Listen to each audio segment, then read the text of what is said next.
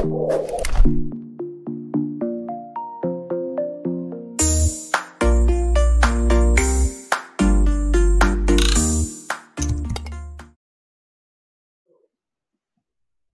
bahagia kerabat desa Indonesia. Hari ini spesial atas permintaan saya ke teman-teman yang mempersiapkan gugatan. Jadi dari salah satu YouTube saya menemukan ada satu apa informasi bahwa teman-teman para Nusantara Madiun itu mengajukan gugatan ke Mahkamah Konstitusi. Oleh karenanya pada kesempatan uh, di forum chat YouTube saya ajak untuk lawyernya atau kuasa hukumnya bisa apa berbagi cerita idenya kayak apa dan seterusnya karena menurut saya ini mungkin apa perlu ada kejelasan ide seperti apa dan seterusnya sehingga semuanya menjadi apa lebih terbuka mengetahui duduk permasalahannya dan hari ini gelar gugatan dana desa di MK oleh tim para Nusantara di Kepoin Desa Spesial. Kenapa Kepoin Desa Spesial? Karena tidak seperti biasanya Kepoin Desa ada di jam 10 sampai 11. Ini karena lawyer pasti punya banyak kesibukan di hari kerja. Oleh karenanya kemudian dimintakan habis maghrib kita sepakati habis maghrib untuk kemudian kita gelar supaya teman-teman bisa mengikuti dengan baik. Beberapa yang perlu kita sampaikan ke rapat desa bahwa selain ada Zoom meeting yang kita buka uh, terbatas kepada mereka yang memang tertarik itu harus melakukan apa komunikasi ke WA official TV desa 083 kali 01317160 untuk kemudian akan mendapatkan ID dan passwordnya. Jadi uh, memang kami terbatas uh, supaya lebih efektif kita berdiskusi. Kemudian bisa disaksikan di channel YouTube kita, bisa komentar di situ, di chatting itu nanti kita akan sampaikan.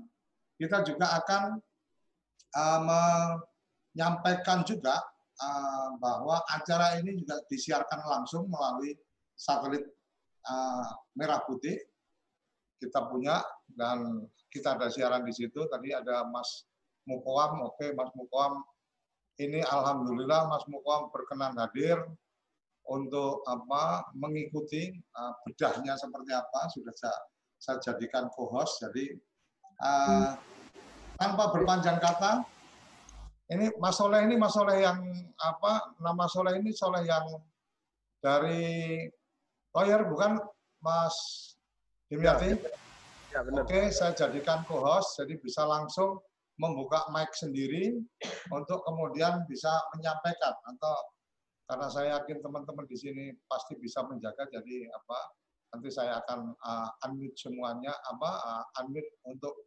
mereka-mereka yang secara khusus memang saya harapkan bisa ikut berbicara. Langsung ke Mas Demiati nih, kayaknya karena Mas Soleh belum on di videonya. Mas Demiati, idenya seperti apa ini? Ide kemarin sudah kita bedah, kemudian cerita lanjutannya seperti apa? Apakah memang sudah proses berjalan, ini berproses mengajukan gugatan, atau memang sudah diajukan, atau bagaimana? Silakan. Terima kasih. Eh, desa di seluruh Indonesia. Uh, yang jelas menindaklanjuti pertemuan di Pati, para Nusantara dan BPDI sepakat untuk mengambil langkah konstitusional untuk mengajukan gugatan ke Mahkamah Konstitusi. Ya, khususnya terkait pasal 28 ayat 8 yang mana menyatakan tidak diberlakukannya pasal 72 ayat 2 Undang-Undang Nomor 6 tahun 2000.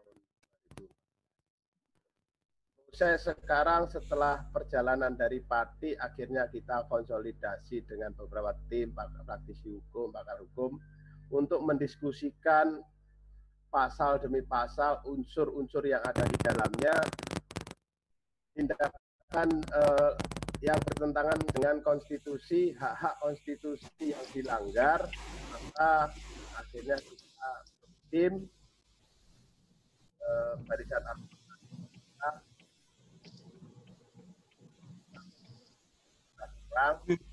kayaknya bermasalah.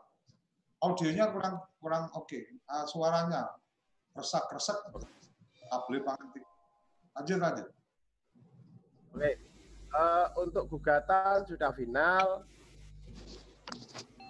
Yang dari ini masih ada perbaikan beberapa hal. Mas Soleh dan besok dan rencana besok lah. Rencana hari. Karena belum selesai. Itu yang ada sampaikan. Ini maksudnya beliau uh, masalah sudah ada di sudah ada di ruangan sudah aktif. Uh, uh, selamat malam Mas Soleh. Selamat malam Mas Wih, sibuk luar biasa ini malam-malam masih perjalanan. Terima kasih sudah bergabung. Mas Oleh, uh, boleh berbagi cerita, mungkin sebelum berbagi cerita menceritakan Mas Oleh dulu nih, kayaknya banyak sudah melakukan apa aksi-aksi hukum yang luar biasa, kemudian kenapa jadi tertarik dengan apa menerima kuasa dari teman-teman dan celah-celah apa sebenarnya ini yang yang kita bisa cermati. Silakan Mas Oleh. Terima kasih. Assalamualaikum warahmatullahi wabarakatuh. Saya nanti lagi cari apa ya kafe atau apa untuk nongkrong aja kalau dari dalam mobil kayak ini nggak nyaman. Cuman ini karena masih di tol menuju ke Prigen, jadi cari tempat yang bagus. Nah, saya memang orang yang suka membuat terobosan hukum di Mahkamah Konstitusi, bulan lalu pun menang di Mahkamah Agung terkait apa namanya gugatan kenaikan BPJS. Eh, dua tahun yang lalu saya mendampingi teman-teman taksi online yang mereka diwajibkan untuk memasang stiker, ya alhamdulillah juga menang. Jadi memang ada beberapa. Sekarang ini saya juga lagi ada sidang di MK terkait undang-undang karantina kesehatan di mana pemerintah tidak berani mengambil kebijakan lockdown dikarenakan ada ketakutan untuk memberikan makan kepada semua penduduk padahal menurut kita ya mestinya penduduk atau orang itu ditafsirkan sebagai orang miskin. Kalau orang kaya kayak Dimyati, kayak saya ini kan ya mestinya nggak perlu makan ditanggung oleh negara kan itu. Nah, beberapa waktu yang lalu saya dikontak oleh Dimyati di, terkait persoalan munculnya Perpu nomor 1 tahun 2020 yang disahkan menjadi Undang-Undang nomor 2 tahun 2020 di mana ada salah satu pasal yang di situ membatalkan terkait dana desa. Coba saya bacakan aja supaya nanti kita jernih karena persoalan ini menurut saya adalah persoalan yang krusial. Ini di, di tol Surabaya apa tol Jakarta ya, Mas? Tol Surabaya. Oh, tak pikir tol Jakarta, nek tol Jakarta mampir nong studio sisa, Mas. lanjut, lanjut. Ini, ini pasal 28 ayat 8 berbunyi, pasal 72 ayat 2 beserta penjelasan Undang-Undang Nomor 6 Tahun 2014 tentang Desa, tambahan lembaran negara Republik Indonesia Nomor 5495. Nah, terakhir itu kan klausulnya begini.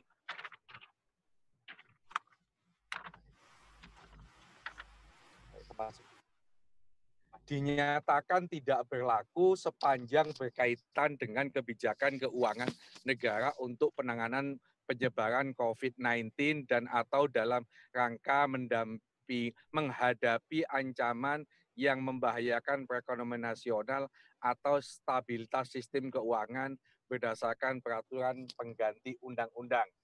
Nah, ya. kalau kita membaca pasal 28 ayat 8 ini, maka yang namanya dana desa itu sudah dinyatakan tidak berlaku.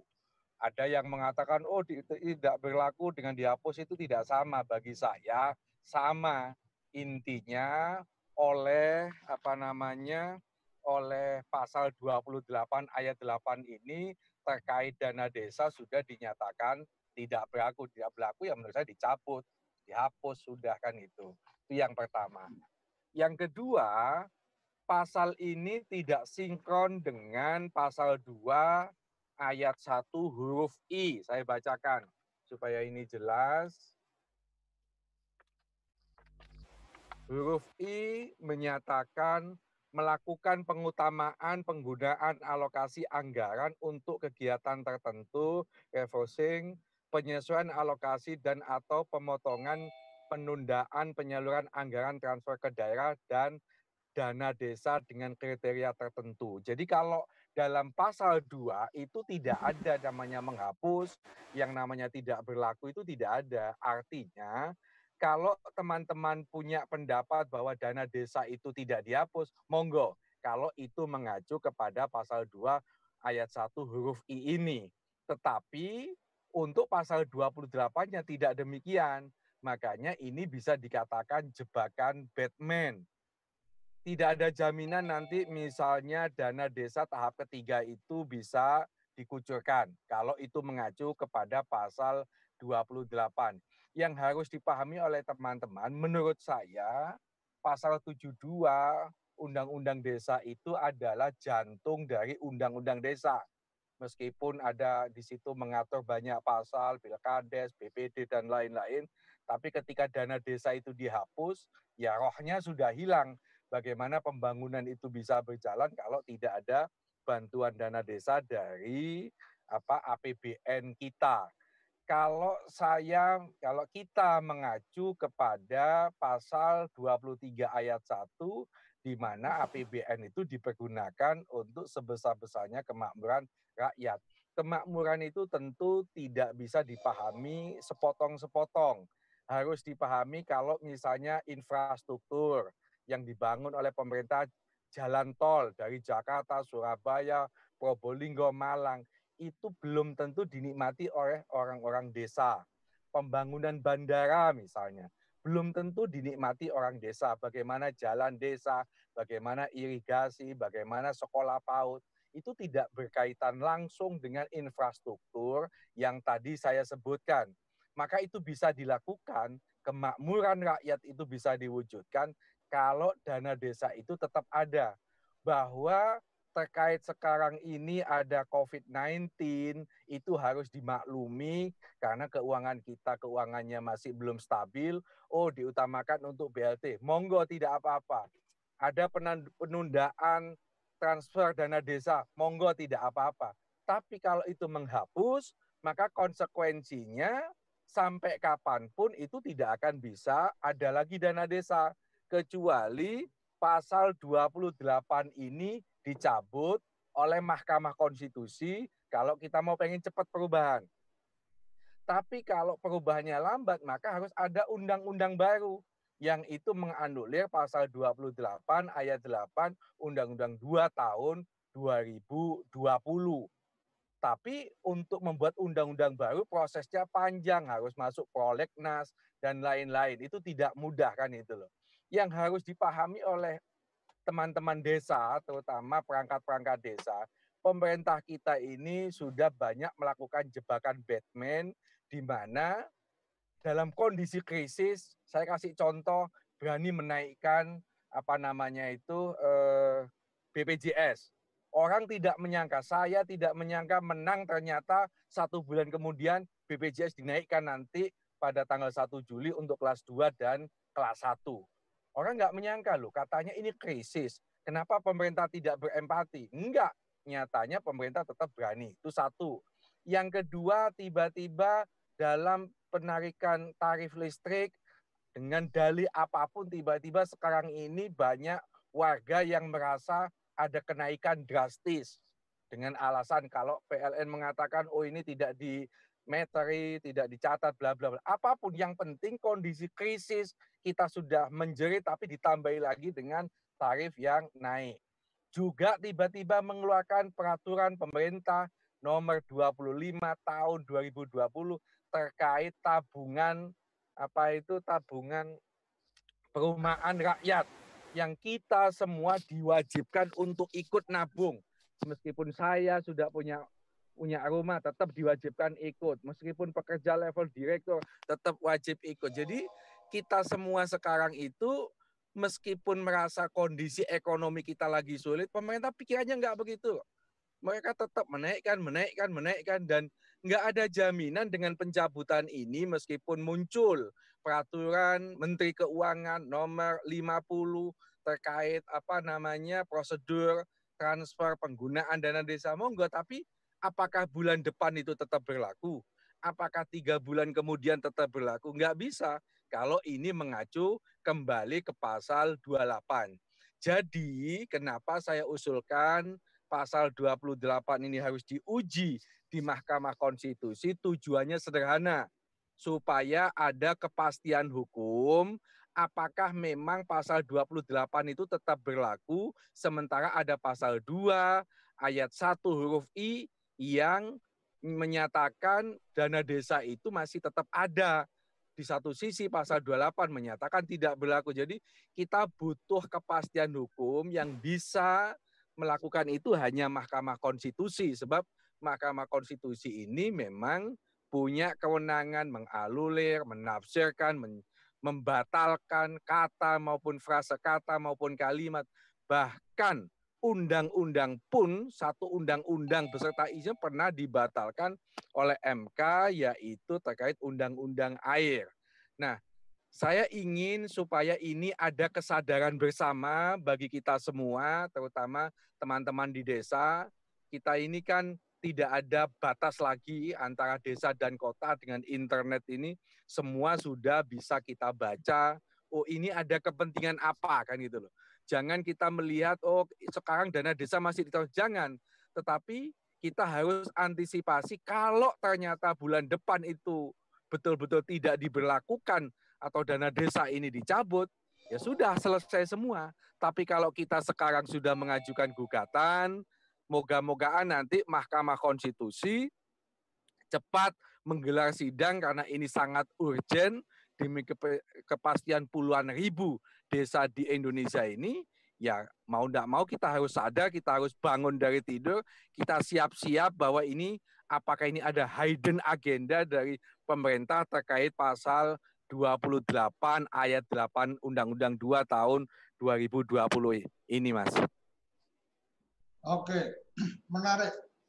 Yang tadi disampaikan, saya mencoba mencermati, nanti teman-teman yang bergabung di Zoom juga bisa ikut memberikan komentar, uh, silakan nanti resen. Tapi uh, yang tadi Mas Soleh sampaikan ada dalam catatan saya satu bahwa tentang uh, tentang pasal yang kemudian menghapus undang-undang uh, desa uh, pasal 72 dengan penjelasannya. Kemudian satu sisi disampaikan bahwa ada pertentangan dengan pasal di atasnya tentang apa keuangan transfer daerah dan desa dan seterusnya. Uh, saya mencoba melihatnya adalah bahwa di dalam uh, istilah uh, uh, tidak berlaku itu itu kan ada di dalamnya pasal dan penjelasannya. Nah, bagian penjelasan itu sebenarnya bagian yang uh, menurut saya menjadi penting untuk teman-teman apa pahami adalah adanya 10% on top artinya 10% itu dari transfer daerah di luar apa dana alokasi khusus kalau tidak salah. Artinya kalau mau menggugat sebenarnya negara sudah melakukan pelanggaran atau tidak memenuhi amanah undang-undang itu sejak dari alokasi dana desa yang tidak sebesar angka yang diperintahkan oleh undang-undang. Ini menurut saya bahwa kemudian uh, ada kondisi seperti ini ya sebenarnya apakah itu bagian dari karena tidak bisa memenuhi yang kewajiban 10% yang jelas tegas di penjelasan itu kemudian itu bisa terabaikan tetapi masih ada di pasal di atasnya tentang bahwa akan ada penyesuaian dan seterusnya. Kira-kira gimana, Mas Oleh? Saya saya apa saya melihatnya ini bagiannya bukan bagian bahwa kemudian menghilang artinya oke okay lah secara secara bahasa itu secara bahasa hukum bahwa itu tidak berlaku maka ya itu tidak berlaku walaupun dengan kondisional tertentu ada penjelasan tentang keuangan dan seterusnya ibarat kata ya kalau negara bangkrut ya gimana ceritanya masih mau masih harus memenuhi kewajiban itu kan gitu. Gimana Mas Oleh? Jadi ketika kita bicara apakah memang negara ini mampu atau tidak, ya kan? Hmm. Ini nanti di Mahkamah Konstitusi kita butuh ahli ekonomi apakah ya. memang negara ini tidak mampu ketika memenuhi uh, pasal 72 terkait transfer dana desa itu. Di ya. sisi yang lain ada dana kalau tidak salah beberapa hari yang lalu pemerintah itu ngasih bantuan kepada BUMN BUMN untuk suntikan itu sekitar ratusan triliun itu di situ. Nah, itu menjadi persoalan maka itu bukan ranah saya untuk menganalisis keuangan kita ini mampu atau tidak, tetapi saya lebih melihat bahwa ini terkait pembangunan maka pembangunan makro itu kalau dipahami tidak hanya di kota, tapi juga di desa. Nah, di desa tentu tidak sama desa yang dekat dengan ibu kota, dengan desa yang ada di Papua, dengan ada yang di Sulawesi, di Ambon, nggak sama. Maka dana desa itu menjadi penting bagi pembangunan desa-desa itu ketika dana itu bisa dialokasikan betul, dimanfaatkan betul oleh masyarakat desa. Satu. Yang kedua terkait tadi misalnya oh ini tidak memenuhi 10 persen. Loh, kalau negara tidak memenuhi tidak hanya soal ini, ini masih diatur dalam undang-undang. Undang-undang dasar itu mengamanatkan APBN itu 20 persen harus alokasi pendidikan. Tapi kita memang tidak mampu sehingga ya paling nggak sampai 10 persen alokasi pendidikan itu dari akumulasi keseluruhan APBN kita. Dan itu sudah beberapa kali digugat ya. di MK, dikabulkan, ya tetap nggak dilaksanakan karena memang konsekuensinya tidak tidak mampu. Nah, tetapi ketika dana desa ini, ini problemnya adalah menurut saya soal bukan soal mampu dan tidak mampu, tapi ini soal goodwill, soal kemauan, apakah memang dengan kondisi COVID-19 ini menjadikan dana desa itu harus dihapus. Bagi saya itu nggak bisa, tetap harus ada. Soal kemampuan oh berarti untuk tahun ini karena ada COVID sehingga yang misalnya dari alokasi sepuluhan triliun misalkan 70 triliun oh dirubah menjadi 50 triliun kalau itu tidak mampu. Bukan menghapus loh ya. Kalau menghapus itu namanya memang tidak punya kemauan bagaimana pembangunan itu betul-betul merata, dirasakan oleh orang kota juga oleh masyarakat pedesaan kan itu loh. Artinya ketika kemudian Perpu itu sudah menjadi undang-undang, komitmen terhadap desa itu juga anggota dewan perlu dipertanyakan gitu mas. Ya sayangnya kalau saya baca ini kan problem di pasal 28 tidak hanya ayat 8-nya, ada beberapa ayat itu yang kalau kita baca itu juga bermasalah gitu loh. Yang perubahan APBNP tidak perlu komunikasi dengan teman-teman DPR, tapi di sisi yang lain masih ada pasal yang tidak dicabut, yang pengesahannya harus mendapatkan persetujuan dari teman-teman DPR. Jadi itu kalau dibaca banyak memang pasal-pasal di dalam Perpu yang sudah menjadi undang-undang ini bermasalah. Tetapi sayangnya kemarin kan dari Perpu menjadi undang-undang itu kan tiba-tiba oleh teman-teman DPR diterima apa adanya tanpa apa ya catatan-catatan yang apa kerumi, bukan kerumitan tapi keruwetan karena ketergesa-gesaan itu sehingga tiba-tiba membuat Perpu lah nomor satu tahun 2020. Berarti ini ini termasuk juga memang DPR bermasalah ketika kemudian Perpu jadi undang-undang tidak dicermati dan langsung di ACC. Mungkin itu juga bagian yang Eh, bisa jadi sebagai eh, indikasi bahwa memang oh, desa itu ya mau DPR mau pemerintah jadi nggak terlalu peduli gitu mas dalam kasus ini. Bisa jadi begitu. Oke, ada ada Mas Mukoam yang semoga karena di videonya uh, sedang tidak on tapi uh, tadi kelihatan saya berharap Mas Mukom bisa uh, hadir memberikan apa pandangan karena beliau termasuk yang melahirkan undang-undang. Moga Mas Mukom gambarnya. Nah, nah ini Mas Mas Mukom adalah apa uh, ketua pansus RUU Desa. Jadi beliau sangat paham sebenarnya idenya mau kayak apa desa ini dan kemudian saya memang secara khusus meng, apa, menjapri beliau mohon berkenan untuk bisa apa ikut memberikan pandangan-pandangannya karena ini asik dan menarik ini. Monggo Mas Muka. Terima kasih. Assalamualaikum warahmatullahi wabarakatuh. Salam. dalu para sederek. Mas Soleh. Mantap. Saya Mas Soleh. Siap. Ye. Waalaikumsalam. Segeri. Eh? Seger Ya, Mas. seger. Ya karena anu, Aku nak jelas dengan seger seneng banget. Mau kan lanjut. wis bar buka jadi teger. Alhamdulillah. Saya ngikuti Pak Demiati itu menggunakan syawal untuk momentum yang baik itu Pak Demiati kan begitu itu. Ya Demiati kan begitu. Mas Soleh, jadi saya mengapresiasi apa yang sudah jenengan sampaikan. Saya kira menyeluruh total dan eh, substansinya kena semua itu. Saya ingin men-flashback beberapa yang berkaitan dengan mulai dari 15 Januari 2015 eh 14 sampai dengan hari ini. Eh, pertama, 15 Januari 2014 itu teman-teman saya kepala desa dan seluruh aparat desa itu mengalami satu euforia yang luar biasa.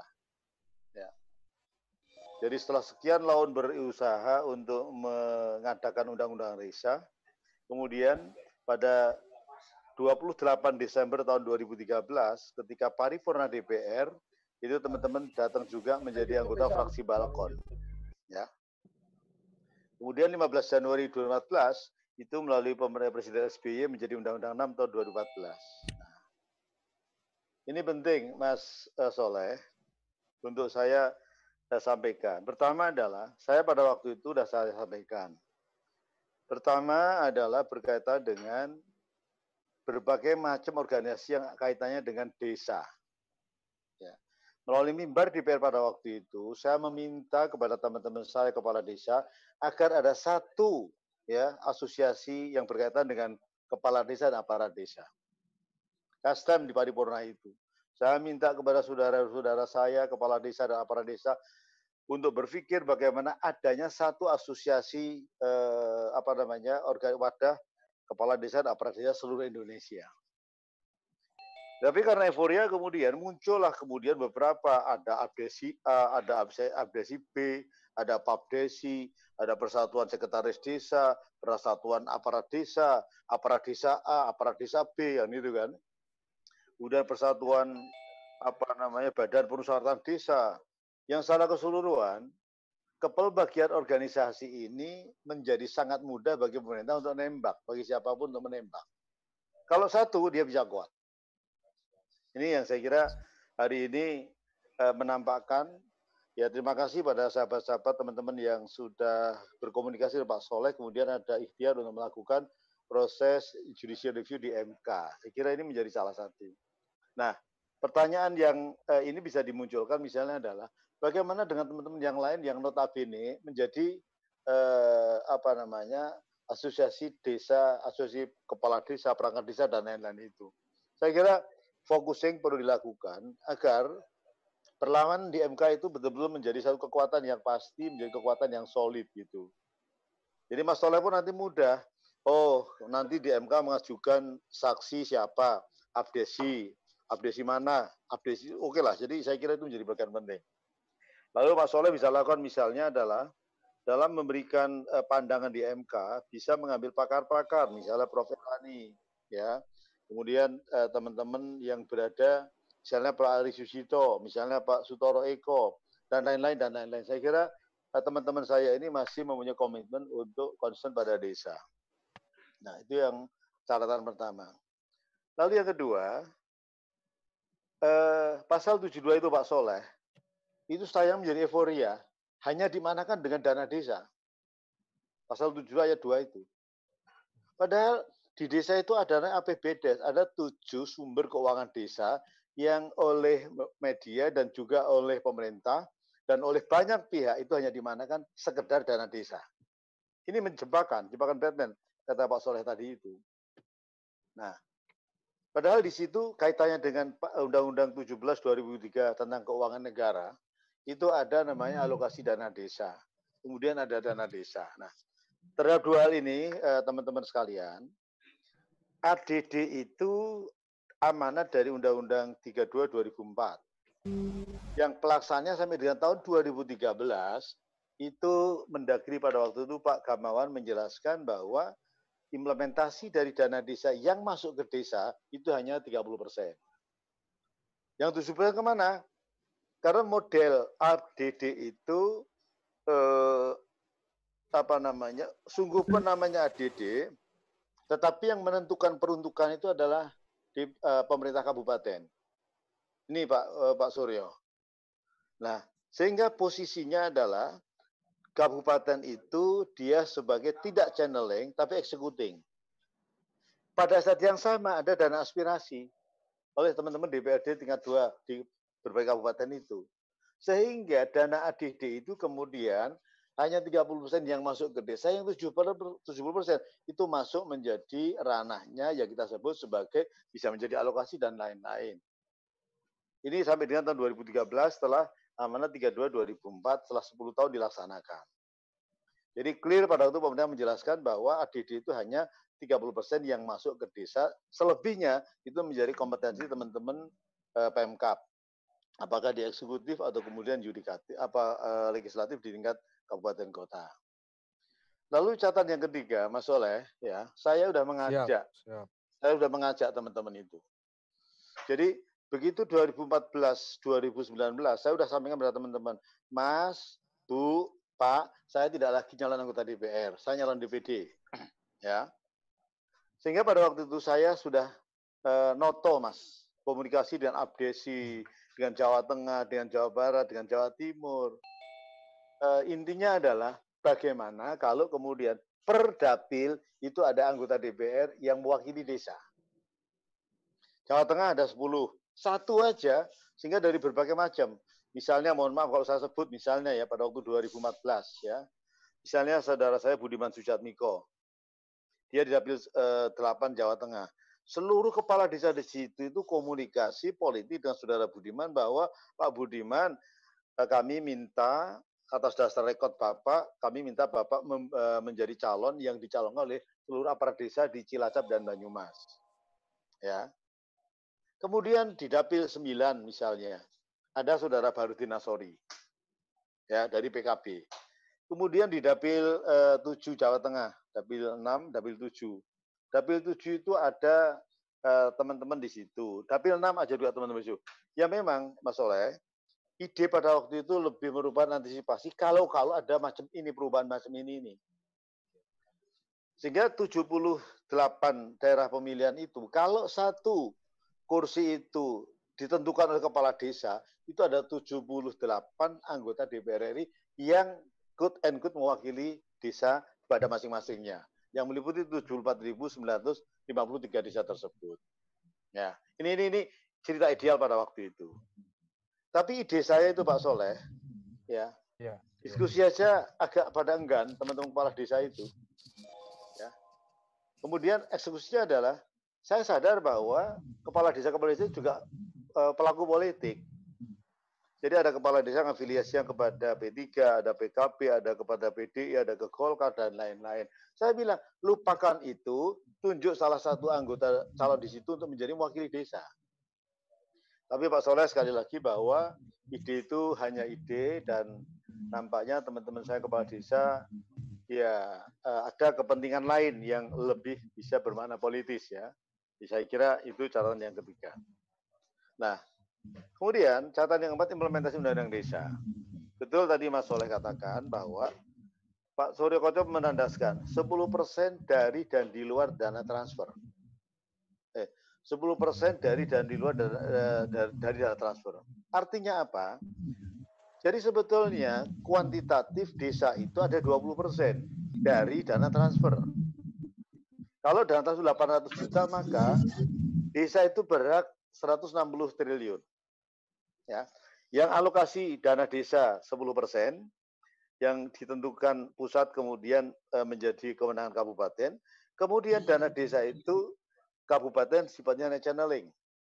Jadi mau tidak mau alamat desa itu menjadi penting dan kabupaten hanya menyalurkan. Nah, evaluasi 10% dari dana luar dana transfer ini, saya kira sampai pemerintahan Pak Jokowi yang tahun ke-6 ini, setelah lima tahun periode pertama, kemudian yang kedua, saya kira konjungturnya ini luar biasa. Totalnya sampai dengan tahun 2019, kalau tidak salah Pak Surya Koco, itu ada 187 triliun. Yes, itu betul. Tapi pertanyaannya adalah, apakah itu sudah memenuhi kualifikasi 10% per tahunnya? Oh, belum. Nah ini teman-teman saya katakan, ini yang semestinya menjadi concern dari teman-teman kepala desa. Tapi yang dari ini adalah, orang itu, saya sono alhamdulillah, berapapun alhamdulillah, ini repot. Saya mengajak teman-teman di Tahayu, hak Anda itu 10 persen, gue bilang. Tapi bilang, udah cukup, udahlah Pak Muko, nggak usah itu dituntut lagi. Kenapa? Biar orang saya gue sentok jadi ini. Nah ini kan repot. Ini Pak Demiati itu. Perlu disyukuri katanya. Padahal yang kedua catatan terhadap itu ya. Ingat Bapak-bapak kepala desa ya, itu ada peraturan menteri, SKB 3 menteri, Kemendes, kemudian dalam negeri dan keuangan bahwa itu untuk infrastruktur. Ya. Catat di dalam SKB itu hanya berlaku untuk tiga tahun pertama. Ya. Ini nggak pernah digugat oleh oleh teman-teman Mas uh, Mas Oleh. Oke, siap, siap. aja, istilah saya apa di Jeporo itu, jalan sudah baik semua, ya diutus lah misalnya. Jalan sudah bagus, tetapi ya dipaksa harus membangun jalan untuk infrastruktur dan itu jalan. Sehingga kepala desa di Kudus itu sombongnya ngomong kepada saya, Pak Mukom, ada perusahaan granit nggak yang Bapak kenal katanya. Kenapa? Gang saya mau bangun eh, bangun untuk jalan pakai granit katanya. Kurang ajar itu kan. Karena sudah nggak ada lagi jalan yang benar untuk dijadikan sebagai apa pembangunan yang eh, selain infrastruktur. Itu tiga tahun Pak Soleh. Ya. Tapi teman kepala desa sekali lagi semua menikmati bahwa itu uh, miss-nya Indonesia itu pada pembangunan infrastruktur. Yang ini saya kira ya ini bindeng ketemu bindeng jadinya itu kepala desa dengan pusat itu kepada dengan pemerintah itu. Nah itu berkaitan dengan uh, SKP tiga menteri. Nah mohon maaf ini kalau kemudian saya bandingkan dengan pemerintahan SBY 8 tahun PNPM mandiri mohon maaf Pak Kepala Desa itu kan bekasnya ono Pak efektivitasnya ada, Pak. Ya.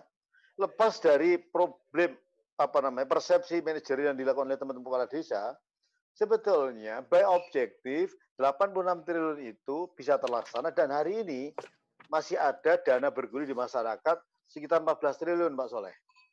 Hmm. Ya, yang dikelola oleh namanya UPK, Unit Pelaksana Kegiatan. Coba masing kecamatan, mohon maaf Pak Dimyati, di Jawa Tengah itu ada 530 tiga kecamatan, 576, 577 kecamatan. Ya, yang masing-masing kecamatan itu menggunakan mengkapitalisasi duit sebanyak 6 sampai 8 miliar. Digunakan untuk apa namanya pengelolaan masyarakat, dana bergulir di masyarakat. Sehingga secara nasional dan itu masih ada 14 triliun. Itu sisa dari PNBM pedesaan. Kalau kemudian kita nanya kepada Pak Dimyati dan kawan-kawan, lah untuk apa namanya uh, dana bergulir masyarakat ono ora Pak Dimyati? Pasti jawabnya tidak ada. Ini kalau bicara mengenai membandingkan kalau saya ini orang NU Pak Pak Pak Soleh. Iya. Karena itu iya. sama. Saya juga NU. Iya. Jadi saya alumni Tebuyang. Iya, al mukhabadatu al qadimi sholih wal akhdhu bil jadil asa itu penting. Kan gitu. Nah ini teman-teman saya ini menikmati betul sehingga lupa daratan. Oh, alhamdulillah dana sudah ada. Perkara gede cilik eh, uh, susah tidak ora penting sepenting sono iku mau. Jadi kemudian hari-hari setelah itu ya, hari-hari setelah itu kemudian ya asik sendiri Pak Soleh teman-teman saya ini. Hmm, hmm. Ya. Asik sendiri. Kemudian ketika pemilu ke pemilu, uh, sebelum masuk pemilu ke pemilu adalah dia tidak dia pada lupa nuntut pada pembinaan macam apa itu nggak dilakukan. Saya kepada siapa saya katakan di pusat, di provinsi, di kabupaten adalah pasal-pasal di dalam undang-undang itu jelas pembinaan dilakukan oleh apa kewenangan pusat, kewenangan kabupaten, provinsi dan kabupaten jelas di situ. Tapi BIN tidak pernah dilakukan pembinaan itu. Yang ada adalah WAS. WAS itu oleh kejaksaan dengan TP4D, ya, WAS itu oleh kepolisian, ya. Fungsi-fungsi pemerintahan dalam hal ini inspektorat jenderal itu tidak berfungsi dalam konteks melakukan fungsi-fungsi pengawasan. Pengawasannya dilakukan oleh APH, ya pembinaannya tidak pernah dilakukan. Tanya Pak Demiati itu.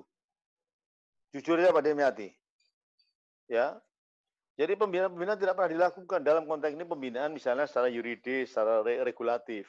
Apakah kemudian regulasi yang dihasilkan amat undang-undang Indonesia itu sudah dilaksanakan oleh Pemkap? Apa sudah dilakukan oleh pemerintah provinsi? Apa sudah dilaksanakan oleh pemerintah pusat? Ini nggak ada komen ketika misalnya dihadapkan pada peraturan Mendes berbeda dengan peraturan Menteri Dalam Negeri. Ya, ini ini contoh-contoh seperti ini.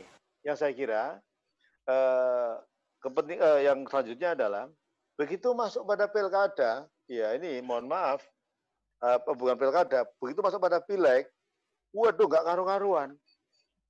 Ya, misalnya dapil Jawa Tengah ini Pak Surya Koco. Ya, di dapil satu Jawa Tengah itu relatifly, relatif loh ya ya intrusi pada kepala desa relatif tidak ada hanya satu partai aja di Jawa Tengah itu di Jawa Tengah satu. Di Jawa Tengah dua, intrusi kepada kepala desa itu dilakukan oleh dua partai politik. Saya nggak sebut ya, karena nggak ada etika di situ kalau sebut. Kemudian misalnya lagi di dapil tiga Jawa Tengah itu oleh eh, Jawa Tengah dua oleh dua partai politik, Jawa Tengah tiga oleh tiga partai politik. Jadi Kemudian teman-teman saya kepala desa itu kemudian ya akhirnya kemudian dalam posisi tertekan secara politik dan secara hukum. Nah, jadi implementasi seperti ini yang saya kira dihadapi oleh eh, teman-teman kepala desa. Nah, agenda nasional, Mas uh, Mas Mas uh, Soleh, ketika ya. setahun yang lalu misalnya, mohon maaf, yang terjadi di desa itu kemudian menjadi isu nasional, di blow up di media-media nasional. Dan ketika itu hampir tidak ada anggota DPR yang ngomong. Hampir-hampir nggak ada. Bahkan tidak ada sama sekali. Yang membela kepala desa itu nggak ada sama sekali. Ini akibat dari yang skenario yang saya tawarkan kepada kepala desa tidak diterima dengan baik. Jadi kemudian media nasional itu ya misalnya korupsi di Madura.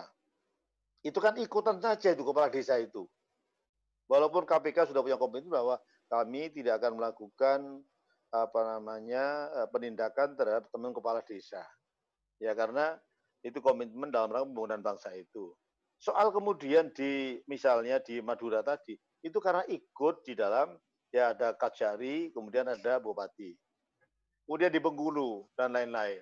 Jadi komitmen KPK saya kira saya beberapa kali ketemu dengan KPK bahwa dalam hal pelaksanaan eh, APBDes itu KPK akan ya mohon maaf ya akan tidak menjadi prioritas dalam rangka uh, melakukan tindakan-tindakan yang sifatnya apa namanya uh, represi, tapi lebih banyak dilakukan dengan pencegahan-pencegahan. Nah, ini saya kira fakta-fakta Mas Soleh, ya fakta-fakta yang kemarin terjadi bahwa teman-teman saya kepala desa ini ada yang baru memang dia tidak tahu bagaimana perjuangan menjadikan undang-undang desa itu. Ada yang masih menjabat, tapi tadi ada yang masih tapi ya kura-kura dalam perahu, pura-pura tidak tahu aja. Itu. Kemudian eh, saya membaca bahwa teman-teman itu yang baru-baru itu adalah tidak tahu tidak tahu menahu bagaimana proses buatan undang-undang yang adalah penikmatan dan undang desa itu sendiri. Nah, jadi karena itu saya baca di grup eh, apa di WA grup teman-teman salah satunya adalah ingin melakukan tindakan terhadap eh, JR terhadap undang-undang apa namanya terhadap Eh, per Undang-Undang 2 2020. Betul, itu cara yang paling benar. Nah, Mas Oleh, saya kira kalau ya. kita masuk, saran saya harus segera, Mas. Karena sudah ada lima atau enam uh, pihak yang sudah ikut di dalam proses JR Indonesia itu. Jadi di dalam ya. di Kompas minggu yang lalu saya kira, saya ada ada ada ada ada clippingnya, itu mereka sudah lima atau enam organisasi pihak yang melakukan JR kepada kepada kepada uh, melalui MK itu. Jadi eh, sahabat-sahabat sekalian, ya teman sekalian, Pak Soleh khususnya. Jadi eh, ini momentum untuk teman-teman sekali bergerak dengan Pak Soleh itu juga harus diikuti dengan ikutan yang lain untuk memberikan satu justifikasi, penjelasan, penerangan, strategi, ya pembangunan desa itu. Karena banyak yang salah, tapi kemudian kepala desa pada diam. Contoh Kabupaten Semarang nih, Kabupaten Semarang ya, di mana tempat saya lahir. Ya, ya relatively uh, ada misalnya festival dana desa. Saya itu mempertanyakan, loh, kok hanya dana desa?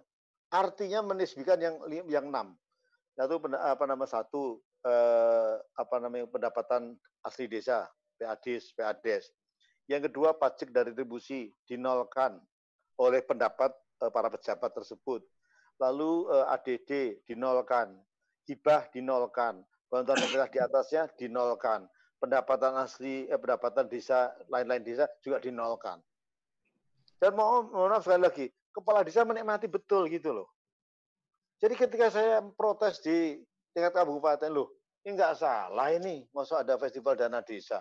Enam yang lain di mana saya bilang. Jadi ada proses barangkali Mas Suryo, memang apakah pembodohan atau apa yang terjadi karena persepsi itu uh, tergantung dari kepentingan masing-masing. Kepentingan kabupaten apa, kepentingan provinsi apa, kepentingan pusat apa. Nah, teman-teman saya kepala desa, para desa itu kemudian terkooptasi ya ternina bubukan oleh persepsi oleh bupati, oleh gubernur, oleh hmm. uh, oleh pusat. Just in case saya kira persoalan-persoalan desa ini yang paham itu kan gubernur juga tidak banyak. Ya dulu uh, apa Pak Ganjar sangat paham ya sampai hari ini. Kemudian Pak Heriawan mantan gubernur Jawa Barat dulu juga paham. Kemudian Pak Dekarwo juga paham. Saya tidak tahu bagaimana Ridwan Kamil sekarang ini. Saya tidak tahu bagaimana uh, misalnya Bu Kofiah hari ini. Tapi Pak Ganjar masih Jawa Tengah sehingga bisa berdikari di Jawa Tengah itu bisa menjadi faktor yang cukup apa namanya menginspirasi desa-desa yang ada di luar Jawa karena memang besarnya itu luar biasa. Desa di Jawa itu hanya 15 persen, sedangkan desa di luar Jawa itu 85 persen. Jadi teman sekalian, eh, saya kira Mas Suryo, kapan kita ngopi darat dengan teman-teman yang mencoba untuk mengepil atau men-JR ya, Mas uh, Soleh saya kira saya appreciate dan saya sekali lagi ya saya berdoa semoga Mas Soleh itu bisa menang lagi Mas karena amin amin tidak banyak yang bisa uh, memahami secara baik bahkan di tingkat kementerian sekalipun mohon maaf ini mulai dari menteri lah dirjen lah direktur lah. Ya mohon maaf kalau tolong ukurnya undang-undang desa ya mohon maaf barangkali uh, kinerjanya tidak undang-undang desa. Jadi saya ke sana ke sini meraung-raung itu saudara saya saudara Koco juga memahami betul bahwa yang ledek mas undang-undang desa ya apa mas? Kalau sampai tanggung jawab loh proporsinya adalah eh, eksekutif legislatif dan yudikatif itu berbeda. Legislatif fungsinya membuat dalam kuah ideal norma hukum baru kemudian pada tataran implementasi silakan pemerintah itu tepat satu tidak. Sehingga saya ada cerita menarik mas Soleh. Ketika saya ketemu Mas Pratik itu sudah 5-6 tahun yang lalu, 5 tahun yang lalu barangkali, saya sampaikan, Mas, Perpres 12 dan Perpres 11 itu siapa yang membuat, Mas? Kenapa, Mas? Itu kok ruang undang-undang desa menjadi kewenangan dua kementerian. Tidak nggih, Mas, loh coba. Jadi Perpres 11 itu mengenai tupoksi Kemendagri, tupok eh, kemudian Perpres 12 itu mengenai tupoksi Kemendes. Tupoksi Eh, Kemendagri termasuk adalah pemerintahan uh, fungsi yang berkaitan empat satu pemerintahan, pembangunan desa, pemberdayaan desa dan kerakyatan. Pemerintahan desa itu berada di Kemendagri itu karena memang dasarnya Perpres 11. Padahal Pancatunggal Undang-Undang Desa ini mau bilang pemerintahan, pembangunan, pemberdayaan dan kemasyarakatan itu satu kesatuan.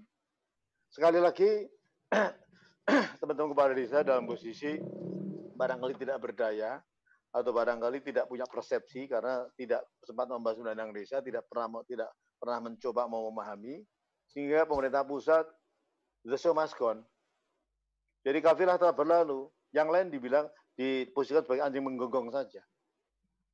Jadi eh, saya risau dengan eh, teman-teman saya yang tidak konsisten ya, apakah dia pakar, apakah dia dokter atau profesor gitu, apakah dia anggota DPR atau kemudian beraktivis yang konsisten nggak banyak, Mas Oleh. Ya, misalnya, mohon maaf ini teman temannya Mas Suryo yang ada di Kemendagri yang dari ITB, ya Kemendes yang dari ITB itu, IPB mohon maaf. Kan nggak karu-karuan juga fungsi hari ini itu. Jadi Mas uh, Suryo, saya kira demikian okay. dulu. Ya, Assalamualaikum warahmatullahi wabarakatuh. Mas Rul, Mas Mukom, tapi saya berharap Mas Mukom masih mengikuti apa acara ini karena memang acara ini spesial.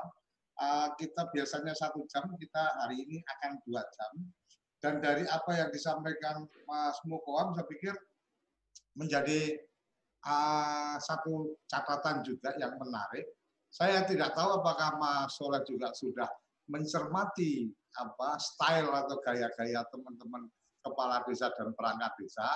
Nah, ketika kemudian mengambil apa, mengambil mengambil ruang mendap, apa kuasa dari teman-teman ini, karena memang uh, ya bagian-bagian yang tadi disampaikan Mas Mukoam itu ya ya bagian-bagian yang sama-sama kita pahami ada ada ada ada ada sesuatu yang yang berbeda memang dengan politisi-politisi kita di apa di kampung ini kan Mas Soleh, mungkin uh, ada satu sisi dari apa yang tadi disampaikan oleh Mas Mukom jelas uh, satu apa apresiasi untuk segera di, ditindaklanjuti. Kemudian tapi ada catatan-catatan juga dari Mas uh, Mukom tadi. Mungkin Mas Soleh ada yang ingin disampaikan tambahan-tambahan atas kalau secara proses hukum saya yakin Mas Mas Soleh sebagai advokat juga pasti paham langkahnya seperti apa beberapa kali sudah menang berperkara dan seterusnya.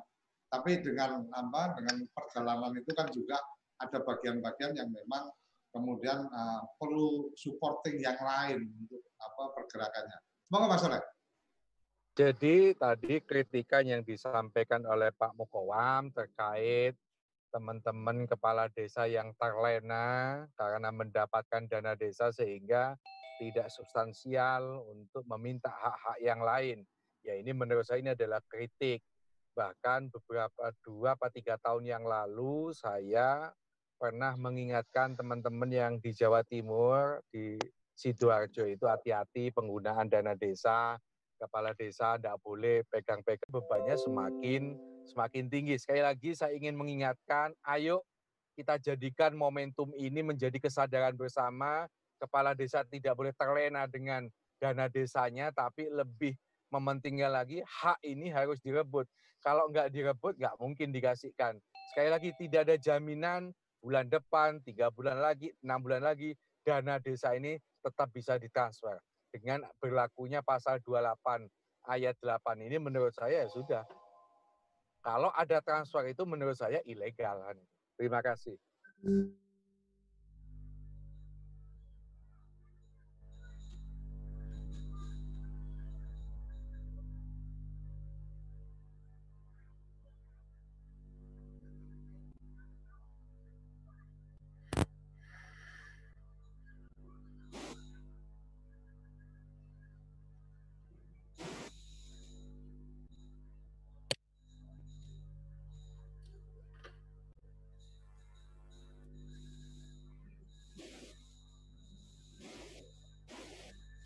Enggak, enggak. Suryo, moderator.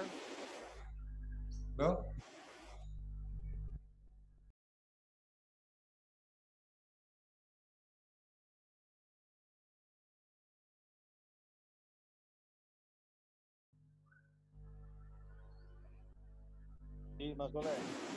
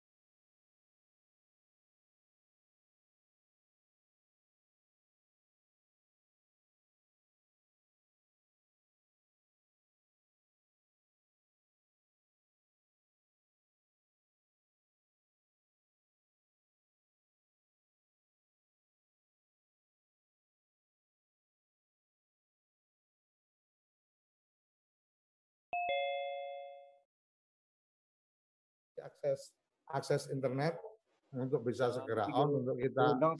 Karena teman-teman di YouTube juga sangat banyak yang sudah bergabung. Dari data yang sudah masuk ke kita itu uh, tadi uh, di uh, official WA kita itu ada dari Papua ada dari Kalimantan ada hampir hampir tersebar di seluruh Indonesia ada. Uh, semoga mereka apa mengikuti ini dengan baik ini sambil apa ya ini salah satu masalah di teknologi ya seperti itulah. Jangan-jangan ada sabotase itu. Oh enggak mas, enggak ada sabotase. Ini ini udah, udah saya udah apa sudah sudah sudah pakai anu saya pakai apa ya di sini. Saya saya keluar dulu yang di sini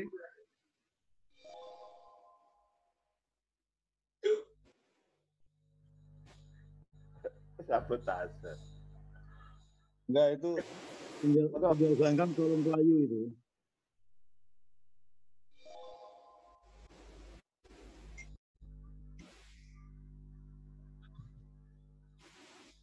Ini yang pernyataan Pak Mukwam ini yang sangat sangat ditunggu teman-teman. Haram untuk ke desa itu tadi ketika undang-undang ya, karena undang-undang dua dua puluh dasarnya mas. Lah sama tersinggung nggak dengan uh, pasal tadi itu 28 ayat 2 tadi? Makanya kita berupaya menggugat, mengorganisir teman-teman di Parade Nusantara kemarin ketemu di Pati akhirnya menyepakati eh, ngasih mandat untuk menyiapkan tim akhirnya saya menghubungi Mas Soleh dan beberapa lawyer yang lain untuk satu barisan melakukan judicial review atas Undang-Undang 2 2020.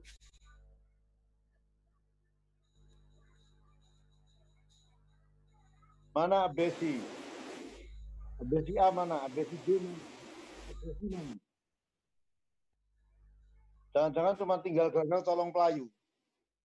Uh, ini uh, membuktikan bahwa ini mungkin teman-teman para Nusantara yang dulu menjadi pelopor dan motor akhirnya tetap tanggung jawab, yang lainnya lari semua, Pak. tinggal gagal tolong pelayu. Yang masih konsisten tinggal teman-teman para Nusantara untuk mengamankan hasil mahakarya perjuangan yang dulu Ketua Pansusnya Pak Mukowa, Mas Budiman dan yang lain kan itu Pak Priyo dan kita iya. kita berharap memang langkah konstitusi. Mas, sorry, yang saya, saya coba ambil apa? Uh, saya coba apa? Bawa lagi acara ini. Mas Soleh, sebenarnya dari pengalaman perjalanan Mas Soleh ketika berbicara dengan mengajukan apa gugatan dan seterusnya, uh, terutama di di Mahkamah Konstitusi ya. Karena kalau menurut saya berproses di Mahkamah Konstitusi itu ibarat kata apa energinya memang harus cukup kuat dan seterusnya gitu kan. Nah, pertanyaannya Mas, dengan posisi yang sekarang sudah apa yang sudah siap untuk diajukan dengan proses uh, yang pasti apa sudah sangat dipahami oleh Mas Oleh dengan dukungan atau dengan pemahaman dari teman-teman yang kita berharap untuk mereka apa eh, kemudian lebih peduli dan seterusnya peluangnya kayak apa mas? Melihat perjalanan oh pengalaman yang kemarin-kemarin oh kita bisa gini karena bla bla bla bla nah tapi kondisi sekarang mungkin ada sesuatu yang beda atau mau mas Soleh jadi saya menggugat undang-undang di MK itu mungkin lebih dari 30 undang-undang. Yang okay. saya yakin menang, nyatanya enggak. Contoh misalnya ketika ada undang-undang yang mengatur tentang jasa raja, kecelakaan tunggal tidak mendapat santunan. Menurut saya tidak manusiawi. Itu kita gugat di MK, ada korbannya di Surabaya, dia ngantuk tiba-tiba nabrak mati Padahal setiap tahun dia bayar pajak STNK itu ada SDWKLJ sumbangan wajib kecelakaan. Eh ketika kecelakaan nggak dapat. Itu saya yakin menang. Eh, enggak taunya enggak dikabulkan MK.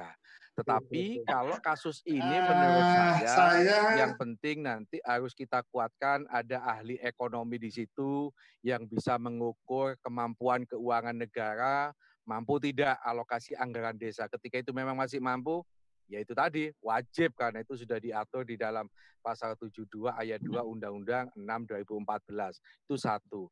Yang kedua juga menurut saya nanti kita harus didukung oleh ahli tata negara yang mana yang dia bisa menjelaskan bagaimana dalam satu undang-undang ada pasal 2 ayat 1 huruf I tidak sinkron dengan pasal 28 ayat 8 yang satu masih memperbolehkan, yang satunya mencabut. Jadi ini menurut saya adalah sebuah keanehan ketatanegaraan di dalam ilmu perundang-undangan kita, bagaimana sebuah peraturan pemerintah pengganti undang-undang dibuat bisa jadi karena ketergesa-gesaan sehingga tidak atau lalai tidak sinkron antara satu pasal dengan pasal yang lain.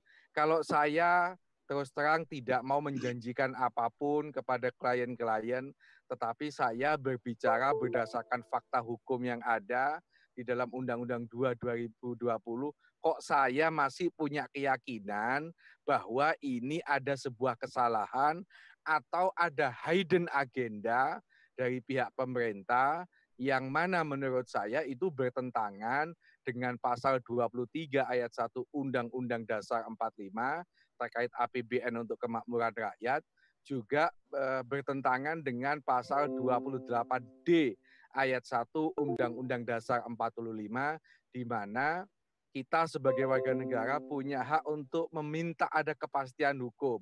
Sebab pasal 28 ini nggak ada kepastian hukum. Sampai kapan yang namanya ekonomi kita itu tidak goncang.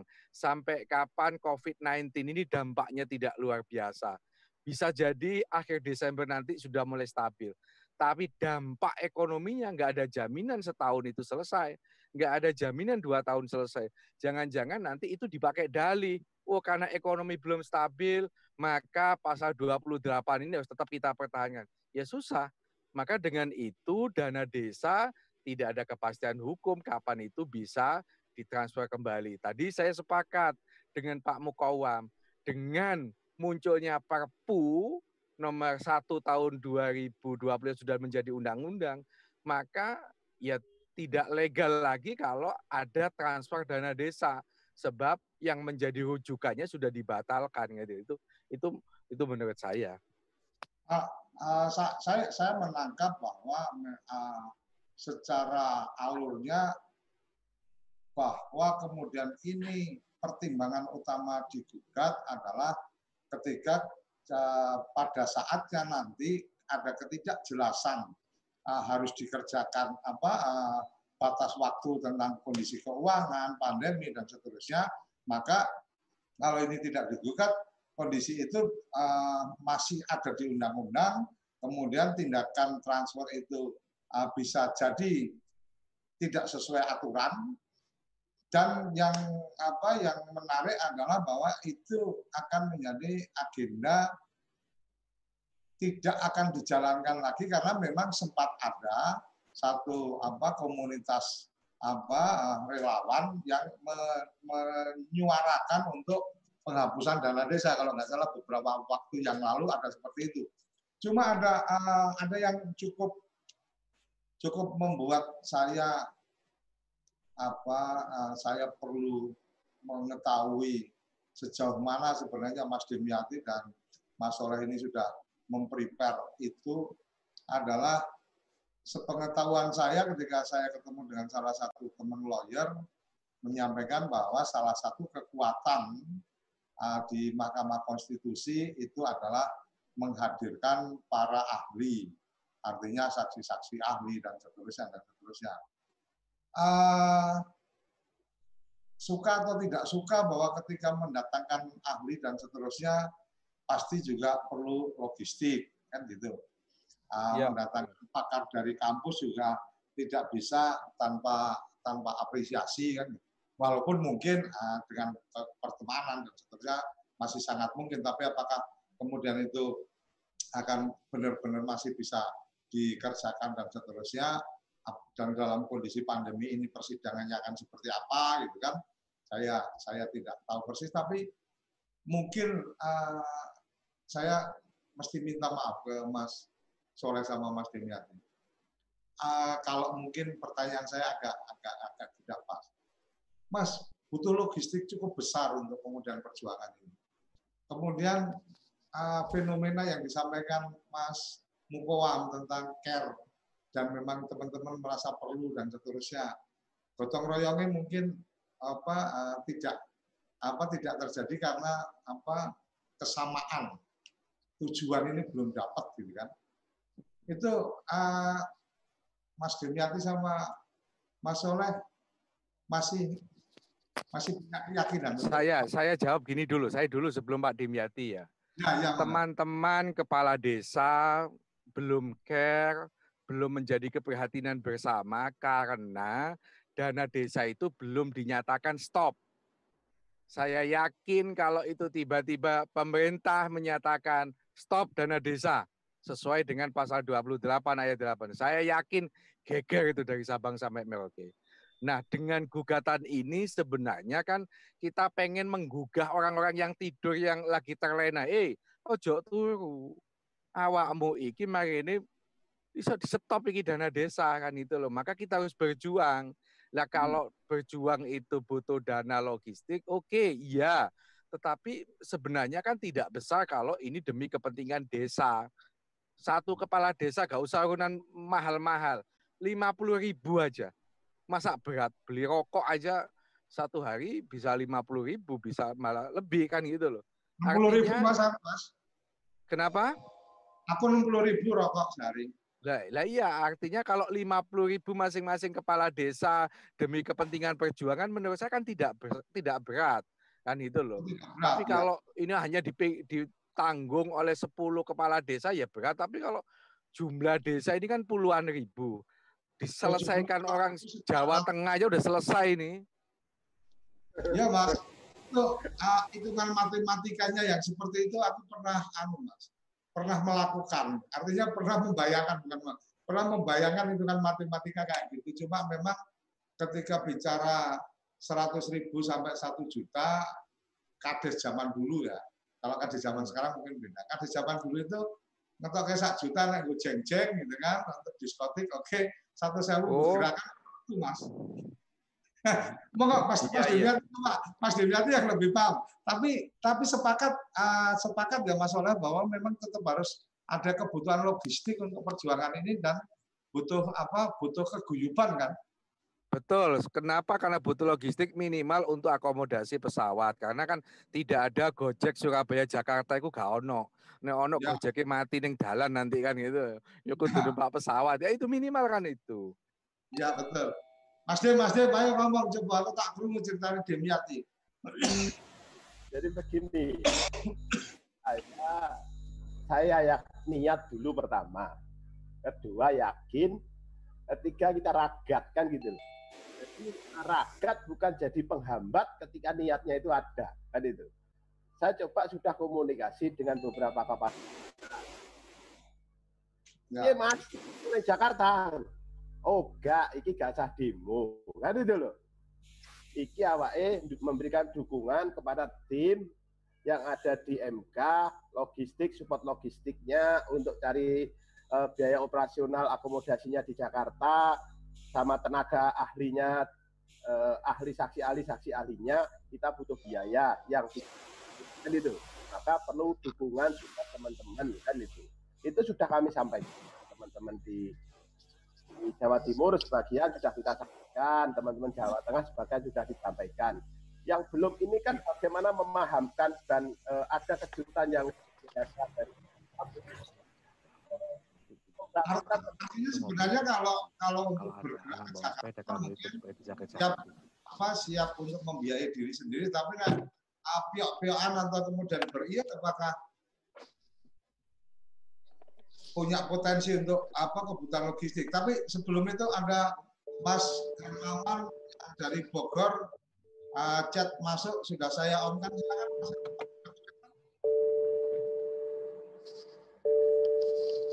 Selamat malam. Ya, silakan. Salam dari Bogor. Ya, ada yang ingin disampaikan? Ya, eh, ini menarik Pak, nginjek terkait masalah eh, lampunya dulu. saya baru Ini belum sambil nginjek rem ini dipencet. eh, 2020 Sambil nginjek rem ini dipencet. 28 ya. Yang nanti mana Injek rem, eh, remnya diinjek. pada eh, endingnya akan mengganggu terkait eh, masalah dana desa. Nah ini perlu digugah juga Pak terkait eh, kepala desa. Ya ini saya juga baru belum melihat nih di posisi Jawa Barat apakah eh, para kepala desa ini sudah eh, menyadari nggak ada ada ada apa eh, sebuah keniscayaan dari Undang-Undang 2 2020 khususnya di pasal 28. Nah, saya sih aku yakin sampai detik ini ya khususnya di 414 desa di Kabupaten Bogor, nah para kepala desa ini belum menyadari akan eh, apa eh, bahaya atau nanti di stopnya eh, terkait masalah dana desa ini ini Pak. Nah ini eh, saya coba akan eh, mulai Mas, berkoordinasi. Mas, Mas Herman posisinya sebagai apa di desa ini?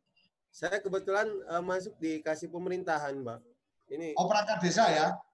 ya Oke, ya, ya. Lanjut, lanjut. Supaya teman-teman tahu bahwa, oh yang sedang Ya. bicara adalah perangkat desa, kan gitu. Silakan. Ya. Ya, nah kita eh, di eh, pemerintahan desa nih khususnya saya nyikapi beberapa eh, kepala desa ya khususnya di Kabupaten Bogor. Ini mereka tercenderung apatis. Ya ya ini loh toh hari ini bahwa ada ancaman yang memang kalau ini tidak segera diragukan gugatan, ini kan nanti akan eh, apa dalam artian apa ya dana desa ini kan nanti akan akan di stop gitu. Nah ini banyak sekali PR-PR ya khususnya nanti akan coba kita diskusikan melalui abdesi di Kabupaten Bogor. Akan mencoba mas menggugah hati para kepala desa. Dan ini kan apa ya sebuah saya sangat miris sekali gitu. Kalau sampai ini terjadi sementara kita di Kabupaten Bogor aja nih mbak yang sangat dekat dengan ibu kota ketertinggalan pembangunan di desa itu uh, sangat luar biasa sekali. Saya di perangkat desa ya harus jujur bahwa di 414 desa yang ada di Kabupaten Bogor itu dalam eh, apa kurun waktu hampir lima tahun itu eh, sangat tidak ada yang ditonjolkan gitu. Padahal aliran dana desa ke khususnya ya ke wilayah Kabupaten Bogor ini kan eh, angkanya itu luar biasa. Nah ini eh, pertama eh, problemnya mungkin para kepala desa eh, sedikit gagal paham mengenai eh, pengelolaan pengelolaan dana desa ini yang apa untuk hal-hal yang signifikan untuk pembangunan desa ini di mana sih? Nah, terus Oke. kedua apalagi sekarang dengan adanya eh, apa eh, Permendes nomor 6 tahun 2020 ini para kepala desa saya lihat di Kabupaten Bogor mereka agak sedikit kebingungan gitu dengan apa tadinya rancangan RKPD sudah dimatangkan melalui RPJMDes yang ada sementara di tengah jalan pada saat mau realisasi ini ada peraturan Permendes nomor 6 tahun 2020 nih. Nah, jangankan mereka ngeh akan apa eh, Undang-Undang 2 tahun 2020, mereka sekarang untuk merealisasikan dana desa yang eh, apa payung hukumnya berubah aja. Saya lihat sebagian besar pemerintah di kabupaten pemerintah desa di Kabupaten Bogor ini mereka banyak kebingungan nih Mas nih. Nah, minimal kita eh, memberikan apa sebuah edukasi atau eh, pemahaman dulu kepada para kepala desa supaya mereka ini menggugah, tergugah, mereka nge gitu.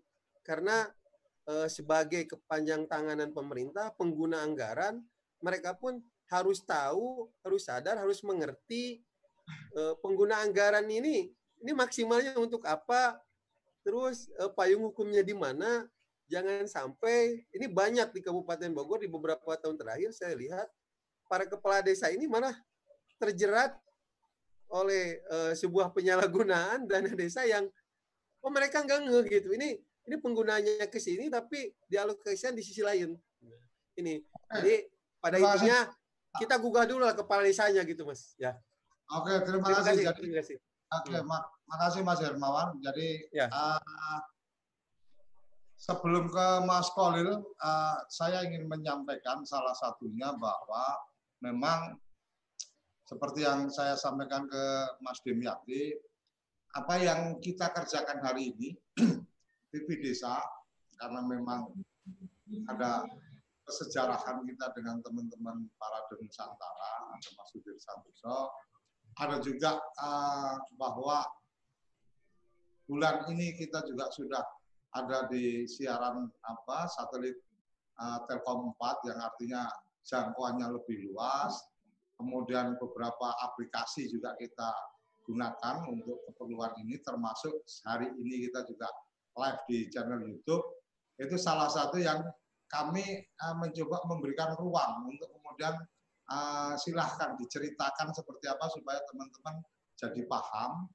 Kami tidak dalam posisi kemudian akan apa akan mendukung atau menolak atau bagaimana, tetapi ya semua yang kemudian sedang dikerjakan teman-teman dengan beberapa reasonnya itu uh, bisa terpublikasikan dengan baik. Nah, kemudian kalau memang seperti yang tadi disampaikan Mas Deniati dan kita kita semua bahwa oh ini perlu dukungan dan seterusnya ya semoga dengan media-media seperti ini maka uh, semua punya kesempatan yang sama untuk kemudian mencermati dan kemudian mengambil keputusan. 74 ribu sekian uh, desa ketika bicara apa uh, mungkin satu persen atau 10 persennya uh, mendukung apa uh, sepakat dan kemudian bergerak, saya pikir uh, apa yang pernah saya terlibat membantu Mas Sudir Santoso waktu itu apa di 2005 eh, di 2006 itu eh, sangat memungkinkan untuk eh, kembali menunjukkan bahwa ada kesadaran masyarakat teman-teman kepala desa untuk melakukan sesuatu. Jadi diakui atau tidak lahirnya undang-undang desa tidak bisa lepas dari satu pergerakan di tahun 2006. Jadi uh, sejarahnya ada tercatat di catatan digitalnya Anda salah satunya adalah Undang-Undang 32 harus dibagi dengan tiga uh, dipecah dengan tiga undang-undang. Itu kejadiannya di satu forum di Jawa Tengah di ruang Kesbangpol uh, Jawa Tengah. Itu apa sedikit apa bernostalgia. Jadi karena memang wis tua kadang-kadang perlu nostalgia kan gitu. Monggo Mas Kolil yang ingin disampaikan ini salah satu tokoh pergerakan uh, di Trenggalek. Monggo, Mas. Oke, terima kasih. Assalamualaikum warahmatullahi wabarakatuh. Untuk semua yang di forum ini. Uh, menarik ini dari Pak Mokowam tadi bahwa saat ini dana desa uh, sudah ilegal lah. ini menarik bagi kami yang di desa. Terus kami di desa, Pak sangat menarik kalau ini sudah dikatakan sebagai dana ilegal ketika eh, negara atau pusat tetap mentransfer ke desa. Untuk saat ini sudah di kalau di Trenggalek ya di Trenggalek itu sudah masuk di yang tahap 2. Yang 40% tahap 2 itu sudah ditransfer dengan mekanisme yang tahap 2 sudah jalan ya, Mas? Ya. 2-nya sudah masuk ya? Sudah, sudah. Sudah masuk. Ini sudah sudah masuk sampai tahap dua. Ini kan jadi jadi barang ilegal menurutnya uh, Pak Muhammad tadi. Nah itu yang yang jadi lucu di negara kita mungkin ya. Yang juga ini lah mungkin uh, segitunya kok untuk untuk misalkan ini ya penghapusan saya berpikirnya gini lah sebegitu kacaukah negara ini secara ekonomi sehingga untuk angka 70 triliun lah itu dibagi ke seluruh Indonesia nah, itu sampai dibatal. Ya, sampai dibatalkan kan. Ini kan bukan pengurangan tapi pembatalan. Apakah sudah sebegitu parahnya ekonomi kita? Nah, mungkin tadi yang uh, saya setuju dengan Pak Soleh tadi ini harus harus benar-benar uh, ahli ekonomi yang bicara nanti di MK sudah separah ini kah Indonesia sampai membatalkan DD. Yang kalau kita ngomong ini seluruh Indonesia ini ya ya hanya ya kalau kami ngomong ya hanya 70 triliun lah. Ya, sampai teganya dibatalkan, bukan hanya dikurangi. Ini yang yang jadi pemikiran kami di di Trenggalek kemarin eh, kepala desa, perangkat desa, asosiasi itu sudah kumpul-kumpul ngomongin ini. Mosok sih segitunya lah Indonesia ini. COVID ini segitunya. Toh saat ini misalkan aturan-aturannya sudah ngomong dana desa untuk ini, untuk ini, untuk ini. Nah, ya ini jadi kekhawatiran kami semua sebenarnya, karena jujur saja untuk daerah-daerah seperti kami di Trenggalek eh, tidak banyak daerah desa-desa yang sudah punya PAD misalkan. Mau tidak mau ketika nanti misalkan di bulan Agustus ternyata di apa nota apa namanya itu istilahnya di pidato kenegaraan itu sudah munculkan lagi dana desa, ya sudah. Saya yakin seperti tadi disinggung Pak Soleh, ini kepala desa baru akan bergerak, baru akan ngeh, baru akan uh, baru akan rame-rame ketika itu sudah diputuskan berhenti. Dan itu saya yakin nanti sudah katakan nasi sudah jadi bubur akan sangat sulit untuk mengembalikan uh, bahwa oh ini tidak jadi dibatalkan misalkan. Tapi di nota keuangan APBN sudah tidak ada. Ini saya berharap mungkin akan timbul seperti tadi misalkan gerakan moral di desa-desa di seluruh kabupaten lah katakan. Di setiap kabupaten menolak untuk itu. Paling tidak ada gerakan moral bahwa dana desa ya pasal itu harus dihapuskan dari dari undang-undang itu.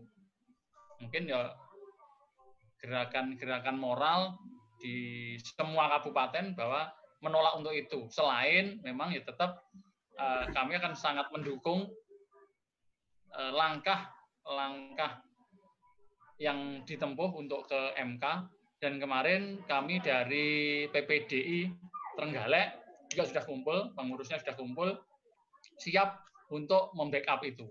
Artinya biasanya kalau ya oke lah kalau wul-wulan kalau mau iuran ya kita siap. Kita siap. Itu sudah kemarin sudah diobrolkan di pengurus PPDI Kabupaten Trenggalek di Kabupaten. Saya yakin ini karena tadi memang sama dengan yang tadi Mas Irmawan di Bogor masih banyak saat ini kepala desa yang belum ini belum menyadari bahwa ini ada ancaman itu Eh, karena kita semua masih ribet urusan BLT, masih kades-kades ribet di protes warganya terkait bantuan BST, macam-macam bantuan yang di desa dan saat ini sudah timbul timbul polemik-polemik yang akhirnya kepala desa jadi tersita waktunya ke situ, lupa. Bahkan banyak desa, uh, Mas Koco, di Trenggalek yang lupa kalau saat ini COVID itu masih ada di sekitar kita. Virusnya tapi sudah sibuk dengan urusan uh, bantuan. Kita sudah lupa. Banyak desa yang lupa bahwa saat ini COVID-19 itu masih ada di desa, masih ada di sekitar kita, tapi saat ini kami semua itu disibukkan dengan urusan uh, data yang salah, kayak bantuan yang tiba-tiba ke orang kaya yang akhirnya tetangganya jadi ke balai desa ini sibuk-sibuk dengan itu. Mungkin itu uh, di Trenggalek saya secara pribadi ya berterima kasih lah ya, secara umum kami dari Tenggalek berterima kasih untuk tim kami support kemarin dari PPDI Trenggalek siap untuk support eh, pengajuan ke MK ini. Makasih Mas Koco. Apa? Apa ya? Oke, terima kasih.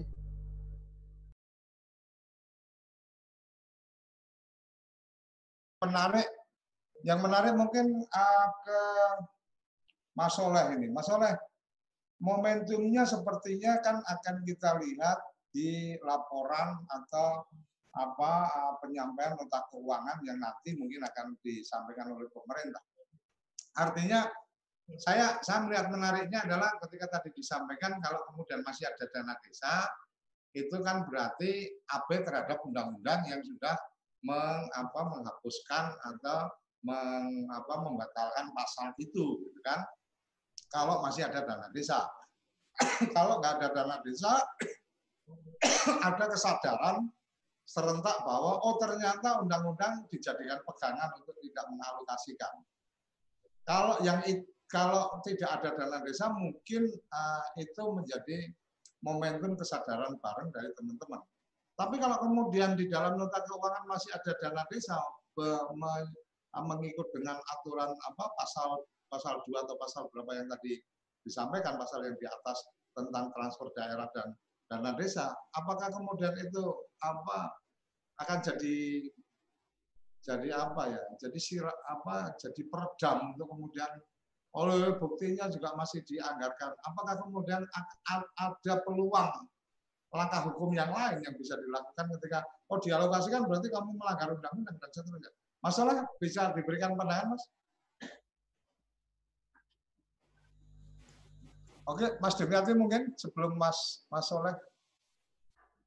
Kalau saya uh, mengutip apa yang disampaikan Pak Mukawam, jelas. Jadi dengan berlakunya undang-undang ini, dengan berlakunya undang-undang 2, maka dana desa itu mulai Maret Perpu diundangkan, 16 Mei undang-undang diundangkan, dana desa ini sudah sudah tidak ada karena kalau melihat melihat unsur pasal di 72 apa itu undang-undang desa? Undang, eh, apa itu dana desa? Dana desa adalah belanja pusat, kewajiban pemerintah pusat haknya desa sebesar 10 persen yang dipergunakan untuk pemerataan pembangunan dan kesejahteraan.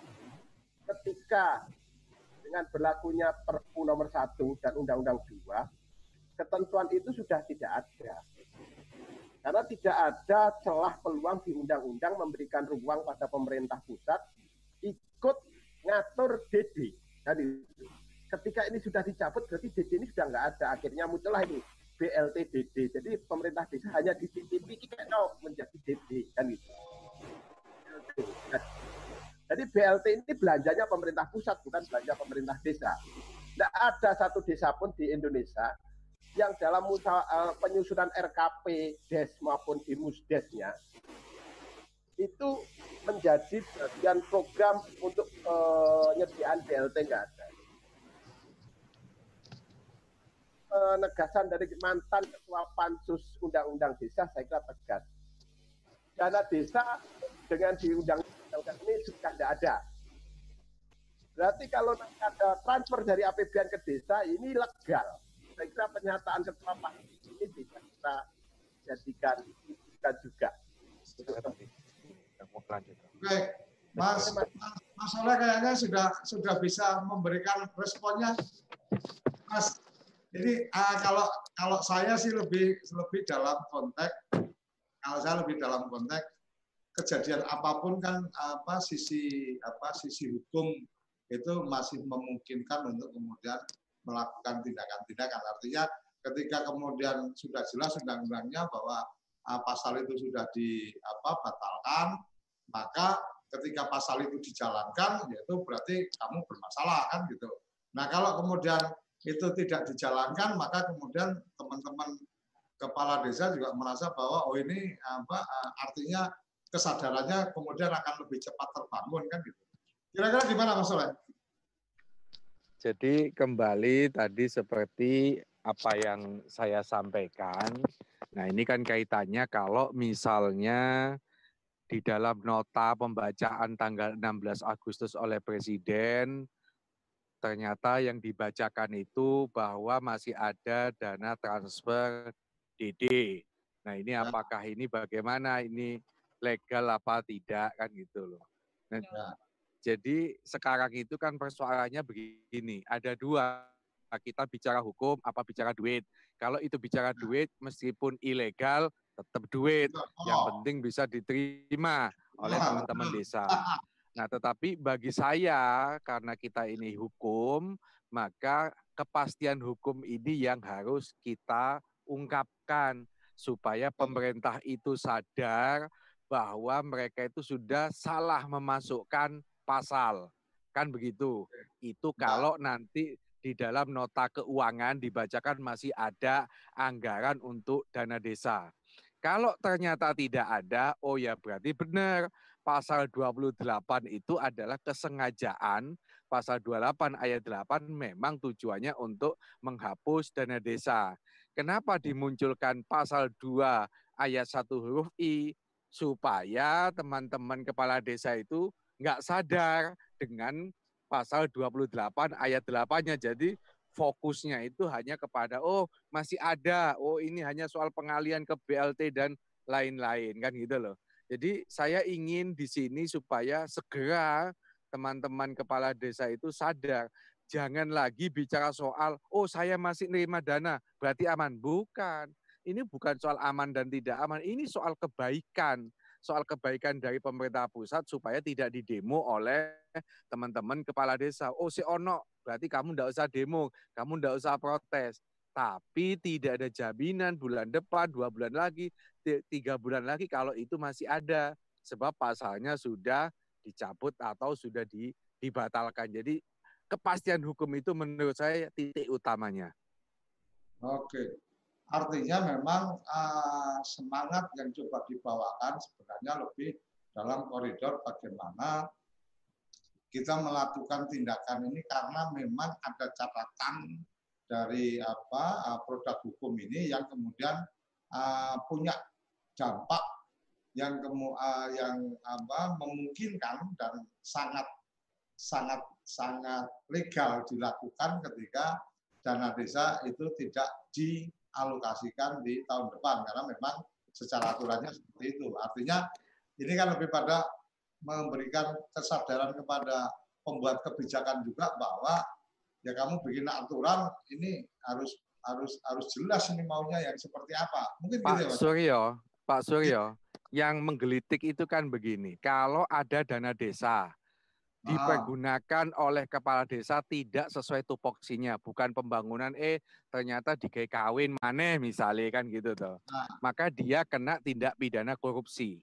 Betul. Pertanyaannya, kalau dana desa itu ditransfer yang dalam bahasa tadi itu ilegal, sudah ah. dicabut oleh pasal 28 ayat 8, apakah itu tidak korupsi? Pertanyaannya begitu. Sebab pasal korupsi baik itu pasal 2, pasal 3 Undang-Undang Tindak Pidana Korupsi, barang siapa yang merugikan keuangan negara, baik itu menguntungkan diri sendiri atau orang lain. Orang lain ini kan bisa kepala kepala desa, bisa masyarakat yang menikmati. Pertanyaannya, berani tidak polisi melakukan pengusutan? Berani tidak kejaksaan? Berani tidak KPK? Karena sebab ini kan dampaknya luar biasa. Bayangin pemerintah yang melakukan kesalahan, yang menikmati adalah orang-orang desa. Tentu menurut saya itu tidak akan terjadi pengusutan oleh pihak berwajib. Masa pihak berwajib mengusut keputusan dari pihak pemerintah itu enggak. Cuman saya ingin memastikan ketika itu bicara ilegal kan berarti itu melanggar hukum. Konsekuensinya kalau melanggar hukum merugikan keuangan negara, yaitu masuk wilayah tindak pidana korupsi kan. Oke, ini ini ini semakin kalau ngomong ngobrol sama orang hukum ini memang semakin asik aja. Setiap celahnya itu kan oh ada di sini dan sa, sa, saya sangat sangat sangat apa sangat bisa memahami bahwa oh on prosesnya seperti ini, on prosesnya seperti ini. Memang ini kadang uh, yang disampaikan terakhir dari Mas Soleh tadi yang saya tangkap itu sama seperti ketika kemudian teman-teman perangkat desa itu mendapat perlakuan tidak pas dari kepala desa kemudian dibita kompli. Akhirnya kan antara kemudian ingin mempertahankan secara aturan hukumnya penghentian perangkat desa itu tidak sesuai aturan, tapi sisi yang lain karena di lingkungan desa kalau kemudian menggugat itu kok rasanya rapantes jabatan digugat dan seterusnya. Artinya ini memang hmm, hmm. apa uniqueness dari uh, apa uh, satu aturan dan seterusnya ini menarik untuk kemudian dibedah. Tapi kayaknya Mas Mokom harus memberikan kan uh, kita sudah sepakat sampai jam 9 karena ini menyangkut pola acara kita. Jadi memang masih ada sisa waktu 10 menit. Saya khususkan untuk apa para tokoh-tokohnya uh, narasumber-narasumber utamanya. Mas Muko, monggo uh, bisa memberikan uh, pandangan-pandangannya mungkin di bahasa bahasa bahasa teman-teman yang lain itu uh, closing statement. Monggo Mas Mukwam. Ya, terima kasih. Closing apa lagi yang harus saya lakukan? Loh, kalau closing statement itu kan untuk menutup uh, obrolan kita hari ini apa benang merahnya apa yang uh, mungkin karena ini disaksikan, insya Allah disaksikan oleh teman-teman kepala desa. Saya juga teman berkembang mulai dari provokasinya Mas Suryo, pendapatnya itu Mas Soleh, ya, kemudian Mas dari Bogor, kemudian dari Trenggalek Pak Khalil, ya dan banyak yang lain yang mendengarkan saya kira. Pertama bahwa tolong, tolong dan tolong baca undang-undang desa secara benar. Satu. Kenapa? Mas Soleh, ini banyak sekali ya. orang yang tidak memahami desa dengan definisi undang-undang 6. Definisi desa dalam undang-undang itu berbeda dengan 32 2004, berbeda dengan 2299, berbeda dengan 579, berbeda dengan 574, berbeda dengan uh, 1968 dan lain-lain. Jadi perspektif yang dibangun oleh semua stakeholders ini, desa itu unidentified, Mas. Tidak berdasar pada definisi dalam Undang-Undang 6 itu. Sehingga persepsi yang dibangun ini adalah desa hari ini bersama dengan desa 10, 15, 20 tahun yang lalu. Ini Mas Suryo. Pak Suryo hari ini berbeda dengan Suryo 10 tahun yang lalu, berbeda dengan Pak Suryo 20 tahun yang lalu. Nah, perspektif ini saya kira harus disadarkan kepada semua stakeholders, terutama adalah oleh pemerintah dan teman-teman kepala desa dan aparat desa. Ini yang pertama. Lalu yang kedua, ya emosi ya yang dikembangkan pada undang-undang ini lahir, saya kira harus juga digunakan di dalam menghadapi JR yang dikomendasi oleh Pak Pak Sola ini. Ya, eh, artinya hanya dilihat separuh mata aja oleh pemerintah gitu. Pak Soleh itu sudah menjelaskan bagaimana pentingnya membangun desa. Kemudian apakah tidak penting uh, rupiah itu untuk membangun desa.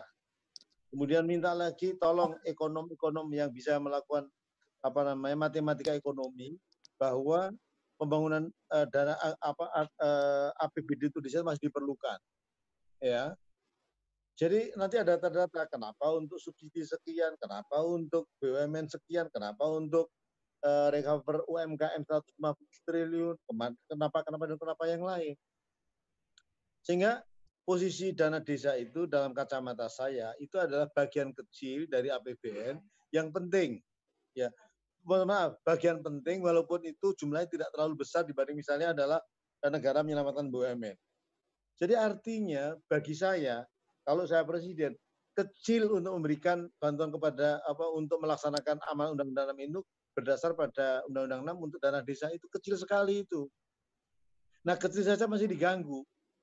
Jadi emosi emosionalitas, perasaan ya, bukan emosi lah mengenai negatif tidak. Tapi bahwa semangat kawan-kawan untuk melakukan keberpihakan eh, apa terhadap eh, berlakunya dana desa, saya kira masih diperlukan. Ya, Jangan sampai kemudian ini hilang momentum. Ya, tadi saya sudah WA ke Mas Koco, Mas, beberapa pihak yang men-GR Undang-Undang 2 2020. Ternyata, Mas, di antara sekian enam yang melakukan GR itu belum ada yang berkaitan dengan yang disampaikan oleh Mas Soleh tadi berkaitan dengan pasal 72 ayat 2 itu. Jadi itu saya kira dari Boyamin, Pas Boyamin dari pengacara di Solo itu masih tidak belum ada yang khusus mengenai undang pasal 28 ayat 2 eh, itu. Jadi saya kira eh, besok atau dalam secepatnya harus melakukan kaitannya dengan menjiat pasal 28 itu karena belum ada yang menjiat pasal 28 itu. Nah, ya. ini membuktikan bahwa hanya Mas Suryo dan teman-teman lah yang menyadari bahwa itu persoalan gitu.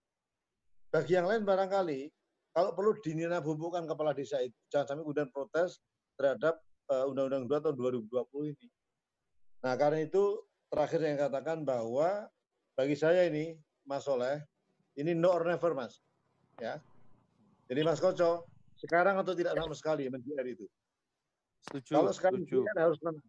Itu dan karena itu settingnya adalah bukan dokumen kita setting kita adalah ya sekarang harus kita lakukan besok udah terlambat. Jadi no or never itu penting sekali Mas Koco untuk memberikan satu apa promosi kepada kepala desa tadi Mas dan Mawan sampaikan bahwa 414 kepala desa pun masih ada yang belum menyadari bahwa itu problematika uh, yang akan datang dalam pembangunan desa. Jadi saya kira no or never masih tidak ada lain mas, karena mau kepada siapa lagi kalau sampai tidak bergerak. Kenapa? Pemerintah pusat juga tutup mata, DPR juga tutup mata, ya. Kenapa? Karena terjadi satu proses demokrasi yang hari ini saya kira demokrasi kita, kita sudah demokrasi yang one demokrasi tidak lagi ada kekuatan kekuatan oposisi dalam tanda petik ya dalam tanda petik ini ya eh, di, di republik ini jadi semua DPR semua Senayan itu sudah sekarang sudah apa kata pemerintah sudah dilaksanakan ini saya kira membahayakan bagi demokrasi kita ke depan itu Mas Koco terima kasih Wassalamualaikum warahmatullahi wabarakatuh. Matur Mas Mukam. Uh, Mas Demiati, closing statement nanti yang jadi gongnya Mas Oleh. Oke. Okay. Uh, eh, terima kasih. Yang jelas kami sudah memulai, kami sudah melangkah dukungan partisipasi semua pihak, kepala desa, perangkat desa yang ada kita harapkan untuk kesuksesan Mas Soleh dan tim untuk di MK. Saya kira itu Mas Suryo. Assalamualaikum. Okay. Mas Soleh, monggo. Mas Suryo, di MK itu kalau misalnya besok kita daftar ada waktu sekitar tiga minggu baru nanti akan sidang pertama. Nah, sidang pertama itu adalah nasihat-nasihat dari hakim panel, tiga hakim konstitusi akan memberikan masukan. Jadi kalau besok itu baru dua kepala desa, yang sebagai pemohon, harapan kita nanti pada saat perbaikan ada representasi misalnya, oh ini perwakilan Sulawesi, kepala desa A, perwakilan Sumatera siapa, Kalimantan siapa, Papua siapa, Jawa Tengah, Jawa Tengah, supaya kita ingin menggiring kepada opini bagi hakim konstitusi bahwa persoalan ini persoalan yang serius, persoalan ini menjadi keprihatinan bersama bagi masyarakat desa. Tidak hanya oh ini Medion, oh ini Jawa Timur. Enggak. Kalau bisa itu semakin banyak semakin bagus. Meskipun penggugatnya itu pomonya 100 orang dengan satu orang nilainya sama, tapi kita ingin ini sebagai kampanye, sebagai kampanye kepada publik supaya semakin banyak daerah itu terlibat, desa terlibat, itu akan semakin membangun ya menggugah semangat dari desa-desa yang lain yang selama ini tenang adem ayem tidak merasa terganggu adanya pasal 28 ayat 8. Sekali lagi, ayo ini sebagai langkah awal menjadi introspeksi kita. Kalau tadi bahasa Pak Mukom, kita nggak boleh terlena. Ini adalah momentum ternyata dana desa yang berlaku baru mulai berapa lima tahun yang lalu ini kayaknya mau diganggu lagi mau diganggu supaya ini tidak terrealisir kan itu dengan munculnya pasal 28 ayat 8 Undang-Undang 2 tahun 2020. Prinsipnya saya senang, saya siap mendampingi teman-teman karena ini menjadi upaya terobosan hukum, keberanian kita melawan apa ya ketidakadilan yang akan muncul bagi majunya pembangunan di desa-desa itu. Terima kasih. Assalamualaikum. Nuwun. Waalaikumsalam. Uh, intinya butuh dukungan dalam konteks kesadaran bahwa uh, ada sesuatu dengan produk hukum bahwa kemudian langkah-langkah uh, hukum sudah dilakukan atau sudah dipersiapkan oleh Mas Dimyati dan juga Mas Soleh khususnya dalam hal ini Mas Soleh yang mendapat kuasa untuk melakukan langkah-langkah hukum. Salah satu yang kemudian menjadi penting yang saya tangkap dari Mas Soleh adalah dukungan dari teman-teman kepala desa dan perangkat desa.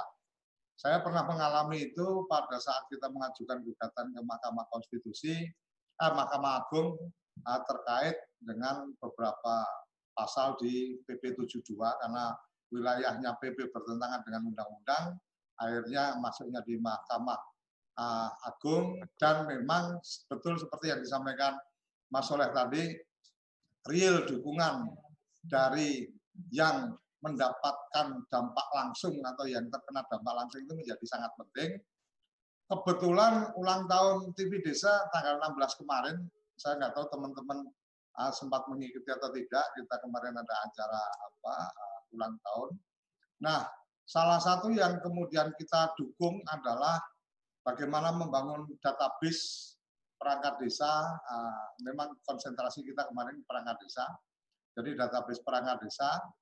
Kami sudah uh, dengan tem uh, mendukung teman-teman dari uh, PPDI dan PT Publisker untuk meluncurkan satu aplikasi platform aplikasi database di Play Store itu perangkat desa. Apa? Perangkat desa uh, tertulis nama di situ perangkat desa. Bisa di set nanti di Play Store itu mungkin bisa menjadi salah satu cara untuk kemudian lebih memudahkan kita berkomunikasi.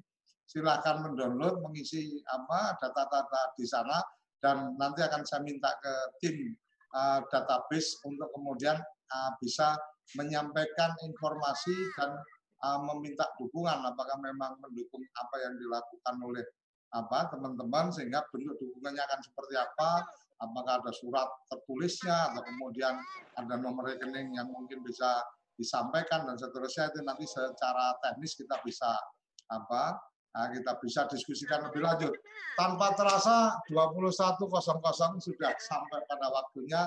Saya harus menutup uh, pertemuan ini. Kepoin Desa reguler kita jam 10 sampai jam 11 siang. Hari ini kami tidak ada kepoin uh, jam 10 sampai jam 11 karena ada kepoin Desa spesial malam ini. Terima kasih untuk semua narasumber. Makasih Mas Demiati, makasih Mas Soleh, makasih Mas Oke, makasih juga Pak Suryo. Yang sudah menyampaikan pandangan-pandangannya.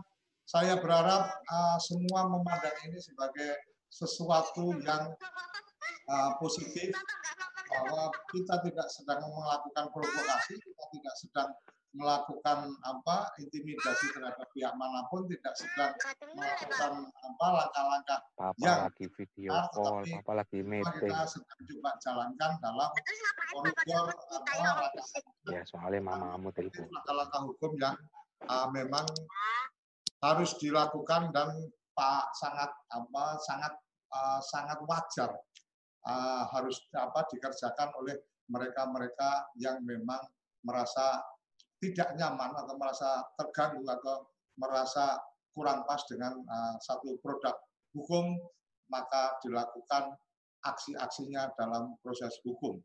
Saya pikir itu uh, yang bisa saya sampaikan. Luar biasa malam ini, jangan lupa mendukung TV Desa untuk tetap terus mengudara, untuk tetap terus uh, berkarya, subscribe channel YouTube kami, ikutin apa eh, acara-acara kami di stes apa di satelit di televisi teman-teman yang di luar uh, apabila ada ide atau ada pesan-pesan khusus yang perlu diangkat dalam acara-acara kita silahkan berkomunikasi ke 083 kali 01317160 itu adalah WA official kami jadi uh, silahkan berkirim di situ dan kami akan menanggapi lebih lanjut untuk kemudian membuat program-program yang benar-benar edukatif untuk desa dan tetap membawa semangat kita adalah TV Desa Perekat Jati Diri Bangsa. Sampai jumpa di forum uh, forum yang lain. Sampai jumpa di Kepoin Desa berikutnya. Salam bahagia kerabat desa Indonesia. Terima kasih.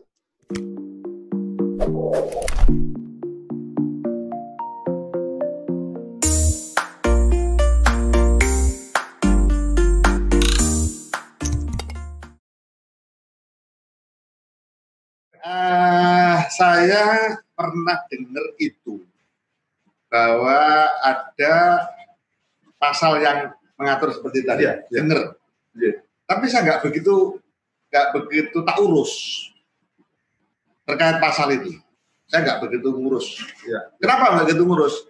Karena fakta di dalam rapat terbatas dengan presiden, Bumenku jelas sudah menghitung hmm. dana desa untuk 2021 Artinya apa? Ya mungkinlah silakan ada fakta tulisan dan seterusnya itu fakta lain. Tetapi saya melihat fakta yang saya lihat sendiri di dalam rapat resmi pemerintah dipimpin presiden dan Bu Menkyu sudah menganggarkan eh, dana desa tahun 2021 yang nilainya sama persis dengan sekarang 72 triliun.